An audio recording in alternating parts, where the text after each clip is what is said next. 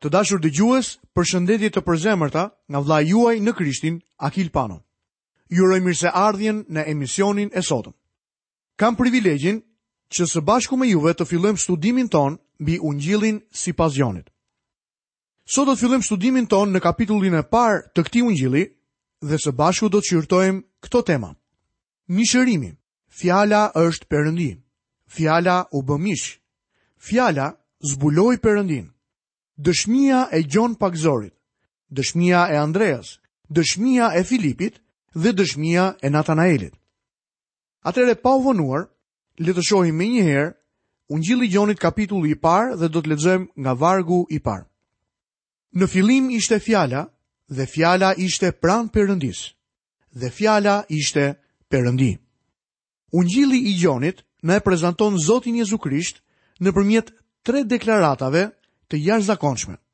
Në fillim ishte fjala dhe fjala ishte pranë Perëndisë dhe fjala ishte Perëndi. Fjala është një nga titujt më të lartë dhe më të fuqishëm të Zotit Jezu Krisht. Nuk është e thjeshtë të përcaktosh kuptimin e saktë të saj. Me sa duket, Zoti Jezu Krisht nuk është logoja, fjala e filozofisë greke dhe as memra e shkrimeve hebreje. Vini re se sa e rëndësishme është fjala në dhjatën e vjetër. Për shembull, emri Jehova nuk është përmendur asnjëherë. Është një emër kaq i shenjtë saqë nuk e përdornin fare hebrenjtë. Por ky person që është fjala duke parë çdo gjë që është thënë për të në testamentin e vjetër, tani na paraqitet si ai që ishte në fillim. Ky fillim i referohet fjalëve të para të Biblës. Në fillim Perëndia krijoi qiejt dhe tokën. Ai fillim mund të datohet, edhe pse unë nuk besoj se dikush mund ta datojë saktësisht. Nuk ka kuptim të thuash se ky fillim ka qenë 4004 vjet para Krishtit, ashtu siç e datoi Usheri. Kjo kohë ndoshta shkon me miliarda dhe miliarda vite pas. Siç e shihni po flasim për Zotin e përjetësisë. Sa herë që kthejmë kokën nga pas dhe shohim krijimin, ai është atje. Këtë ka parasysh Gjoni që nën frymëzimin e Frymës së Shenjtë ka thënë. Në fillim ishte fjala, Vini re, nuk shkruhet është fjala. Fjala nuk lindi apo doli në fillim. Folja ishte, sipas një personi, doktor Lenske, njihet si kohë e pakryer e vazhdushme që do të thotë veprim i vazhdueshëm, pra, do të thotë që fjala ishte në fillim. Por, cili ishte fillimi? Bibla thotë, Në fillim Perëndia krijoi qiejt dhe tokën, Zanafilla një dhe vargu i parë. A fillon pikërisht këtu Zoti? Jo, ai ka ekzistuar miliarda dhe miliarda dhe miliarda vite më parë. Perëndia ekzistonte miliarda dhe miliarda vite përpara krijimit. Perëndia vjen nga përjetësia dhe shkon në përjetësi. Ai ekzistonte shumë kohë më parë krijimit dhe në fakt Perëndia nuk është i krijuar, por ai mban me të drejtë autorësinë e krijuesit.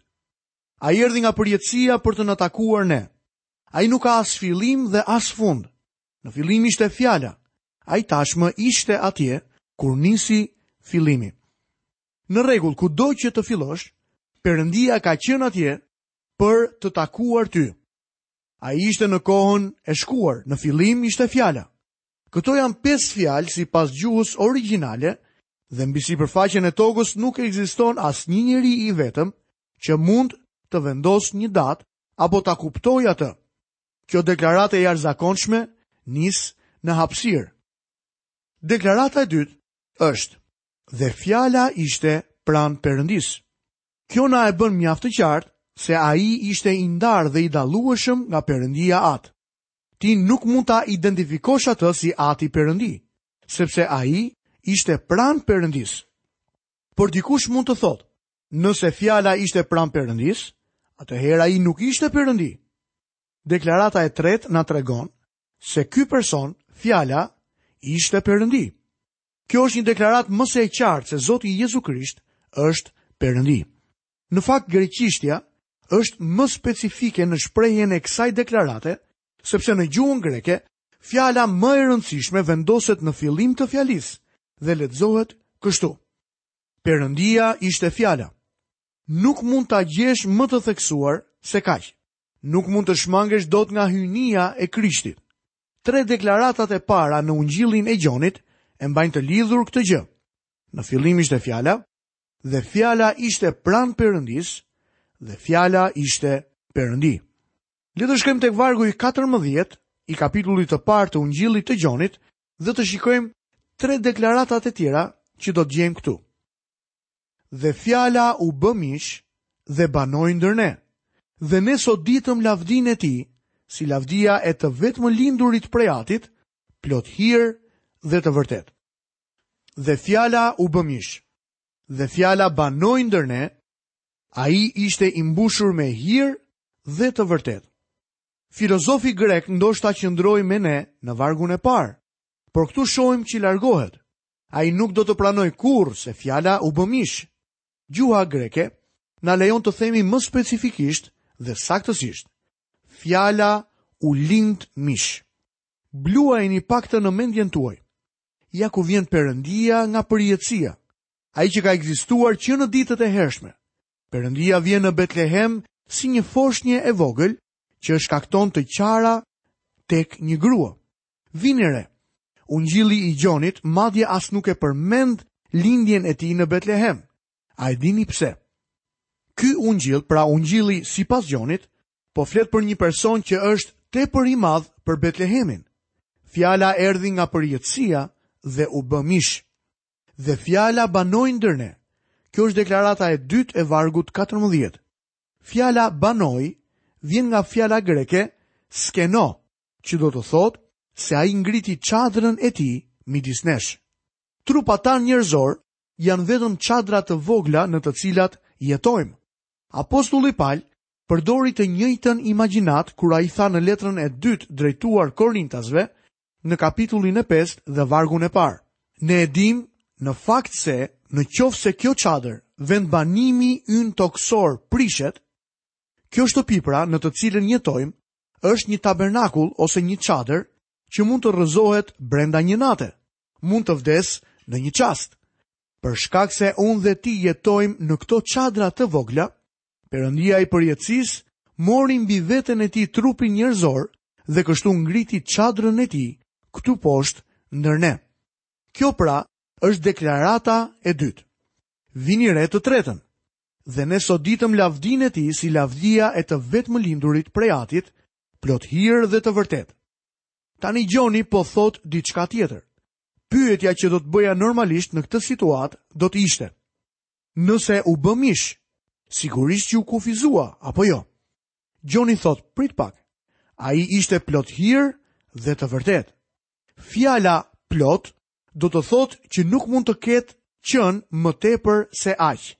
Ai solli me vete të gjithë hyjninë dhe kur erdhi këtu në tokë, ishte plot me hir dhe plot me të vërtetë. Shkojmë tek vargu i 18 i kapitullit të parë të Gjonit, ku do të gjejmë sërish tri deklarata. Askush s'e ka parë Perëndinë kurrë, i vetëmlinduri bir që është në gjirin e t'et, është ai që e ka bërë të njohur. Vini re të parën. Askush s'e ka parë Perëndinë kurrë. Pse? Gjoni do ta shpjegojë këtë në ungjillin e tij. Zoti Jezu Krisht do t'i thotë gruas tek pusi i Jakobit. Perëndia është frymë dhe ata që e adhurojnë duhet ta adhurojnë në frymë dhe në të vërtetë. Sepse Perëndia është frymë. Askush nuk e ka parë Perëndinë kurrë. po në lidhje me shfaqjen në dhjatën e vjetër. Perëndia nuk e zbuloi kurrë vetveten në dhjatën e vjetër në sytë e ndonjë njeriu. Atëherë çfarë? Ata nuk e panë kurrë atë? Nëse ne shkojmë dhe lexojmë në dhjatën e vjetër. Për shembull, Jakobi tha që pa Perëndinë, por ai pa vetëm një engjëll të Zotit që luftoi me të. Ky ishte një manifestim, por ai nuk e pa Perëndinë, sepse Perëndia është frymë. Askush s'e pa Perëndinë kurrë. Deklarata e dytë është i vetëmlinduri bir. Teksti më i mirë grek është ai i Nestles, dijetarit gjerman. Ai mbërriti në përfundimin e saktë se nuk është vetëm i vetëmlinduri bir, por edhe i vetëmlinduri Perëndi. që është në gjirin e atit, na tregon shumë gjëra. Ai nuk erdhi nga koka e Zotit për të na zbuluar diturinë e tij.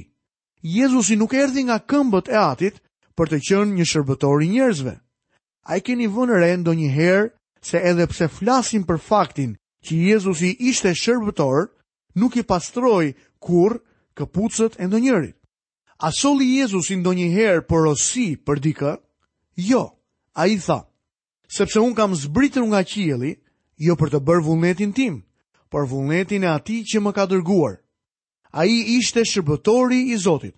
Ai erdhi t'i shërbente Zotit dhe ndërkohë që i shërbente atit, u shërbeu edhe njerëzve. Jezusi pra nuk erdhi as nga këmbët dhe as nga koka. Jezusi erdhi nga gjiri i Atit të Vet. Ai erdhi për të zbuluar zemrën e Zotit. Ai ishte i vetëmlinduri bir që është në gjirin e të Atit. Deklarata e tretë përfundon vargun 18. Është ai që e ka bërë të njohur. Fjala greke këtu tamam në këtë vend është Exagesato. Kuptimi i kësaj fjale është se ajo që Zoti Jezu Krisht bëri ishte udhëheqja e Zotit jashtë, pra bërja publike se kush ishte Zoti. A njeh diçka më të madhe se kjo? Një udhëtim i vogël në hënë nuk mund të krahasohet me këtë. Jezusi pra vjen nga përjetësia, Perëndia i këtij universi, krijuesi i gjithçkaje, duke marrë mbi vete trupin njerëzor dhe duke bërë të njohur Zotin, kështu që njerëzit ta njohin atë. Miku im i dashur, e vetmja mënyrë që ti mund ta njohësh Zotin është nëpërmjet Jezu Krishtit. Zoti Jezu Krisht erdhi për të zbuluar Perëndinë, sepse ai është Perëndi. Nuk kam mbaruar ende me këto deklarata. Ka dhe diçka tjetër këtu. Le të bashkojmë vargjet e para të secilit nga tre grupet e këtyre vargjeve që pamë. Në fillim ishte fjala dhe fjala u bë mish dhe askush s'e ka parë Perëndinë kurrë. Ju nuk mund ta shikoni Perëndinë. Perëndia është frymë. Ai duhet të bëhej mish. duhej të bëhej një si ne, në mënyrë që ne ta njihnim. Nuk mund të ngjiteshim në nivelin e tij dhe ta kuptonim. Ai duhet të zbriste këtu poshtë dhe të sillte Zotin këtu tek ne. Tani le të vendosim së bashku vargjet e dyta të çdo grupi vargjesh. Fjala ishte pranë Perëndisë dhe banoi ndër ne, i vetëmlinduri bir që ishte në gjirin e Atit. Mendoni pak për këtë person. Vetë engjëjt përuleshin përpara tij. Ai ishte pranë Perëndisë, i barabartë me Perëndinë. Apostulli Pal shkroi për të: Ku të mbahej fort për të qenë i barabartë me Perëndinë. Ai nuk shkoi në shkollë për t'u bërë perëndi, nuk ishte diçka për të cilën punoi jashtë orarit që të mund ta arrinte. Nuk fitoi ndonjë gradë shkencore, nuk u përpoq të ishte perëndi. Jezusi ishte perëndia vetë. Nuk dua të jem i pasjellshëm, por kur Jezusi erdhi në tokë, nuk i tha atit të tij. Mbaji sytë te Gabrieli, sepse ai po kujdeset për punën time. Vëzhgoi atë ndërkohë që unë jam këtu duke të shërbyer ty. Jezusi nuk kishte pse ta bënte këtë. Askush nuk mund ta zinte vendin e tij.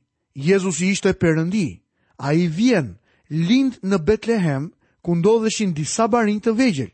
Pastaj shkon në Nazaret dhe për 30 vjet jeton aty. Perëndia i përjetësisë që zbriti poshtë, shkoi në Nazaret për të punuar në një zdrukthari. Përse vallë? Në mënyrë që ti ta njihje Perëndinë. E vetmja mënyrë që ti të mund të njohësh Perëndinë është të shikosh te ky person, tek Jezusi i vetëmlinduri Bir që është në gjirin e Atit. Ai është i vetmi që mund të na zbulojë Perëndinë. Vini re deklaratën e tretë të çdo grupi. Fjala ishte Perëndi. Dhe ne soditëm lavdinë e tij si lavdia e të vetëmlindurit prej Atit, plot hir dhe të vërtetë.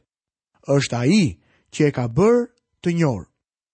Kur ishte këtu poshtë në tokë, Zoti Jezus ishte ende Perëndi, plot me hir dhe të vërtetë. Dhe ai e bëri të njohur Atin. Është i vetmi që mund të na zbulojë Atin publikisht që ne të mund ta njohim. Ende nuk kemi mbaruar. Do të doja të shikonim edhe diçka tjetër. Si e ndajmë neve këtë univers? Një herë kam biseduar me personin që ka dizenjuar ekranin mbrojtës që bën rihyrjen në atmosferë të të gjitha anijeve hapësinore. Ai është një shkencëtar me autoritet mjaft të fuqishëm. Ndërsa po hanim drekë së bashku, më tha: "A e di se ky univers përbëhet vetëm nga tri gjëra?" Unë besoj se Perëndia ka vendosur gjurmët e gishtit tregues kudo. Triniteti ndodhet kudo. Pastaj filloi të shpjegonte më hollësisht.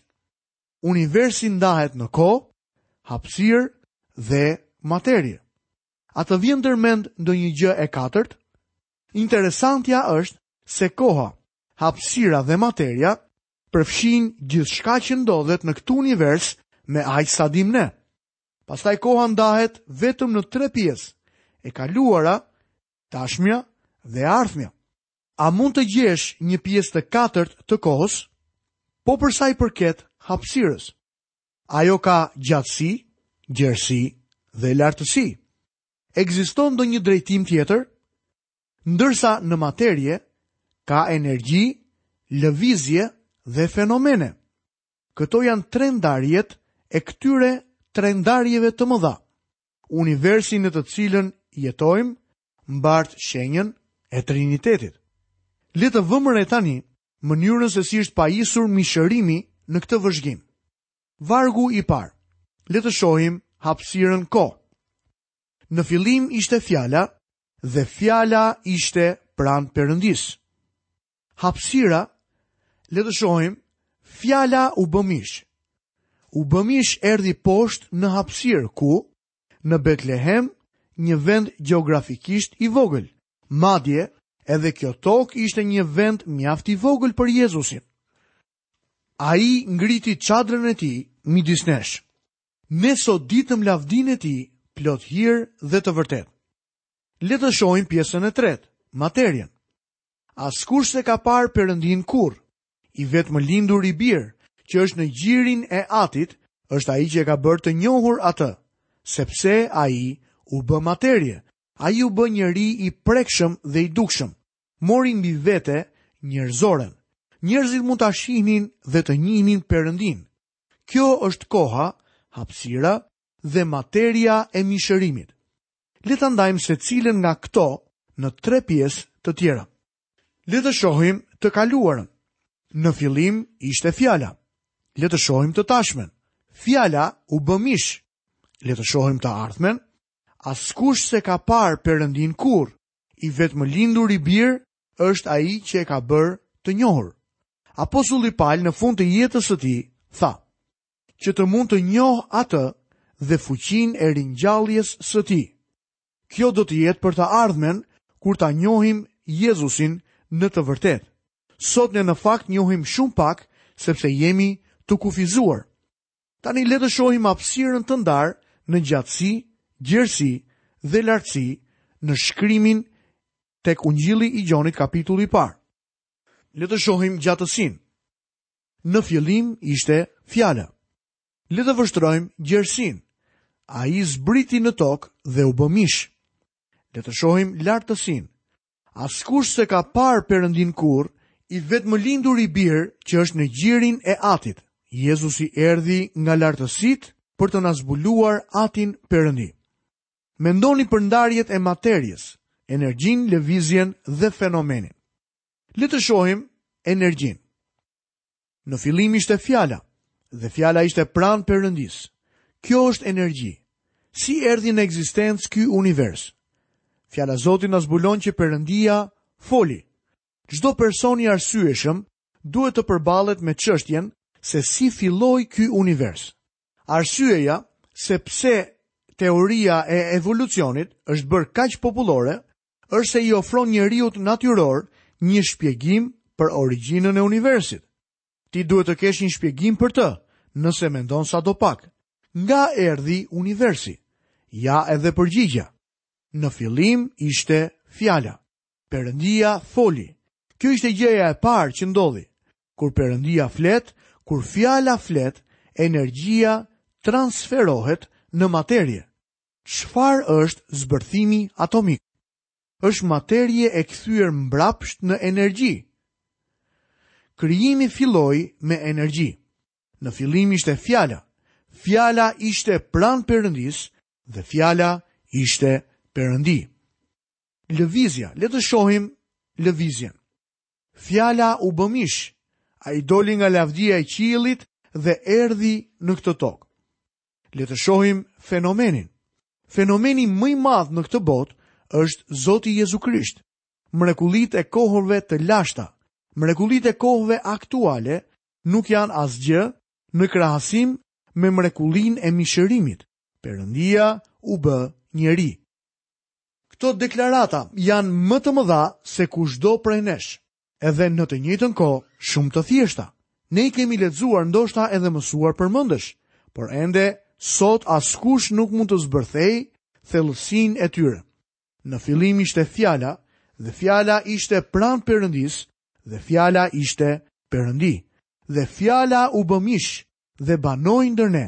Dhe ne soditëm lavdinë e tij, si lavdia e të vetëmlindurit prej atit, plot hir dhe të vërtetë. Askush s'e pa Perëndinë kurrë. I vetëmlinduri bir që është në gjirin e të atit, është ai që e ka bërë të njohur. Këto tre vargje janë blloqet e mëdha të ndërtimit. Në programin e javës së ardhshme do të shohim disa vargje të tjera, të cilat do t'i mbajnë së bashku këto vargje. Deri atëherë, nga vëllai juaj në Krishtin Akil Pano, paçi të gjitha bekimet e Perëndisë dhe paqen e tij në jetën tuaj. Bashkë mirudëgjofshim në emisionin e ardhshëm.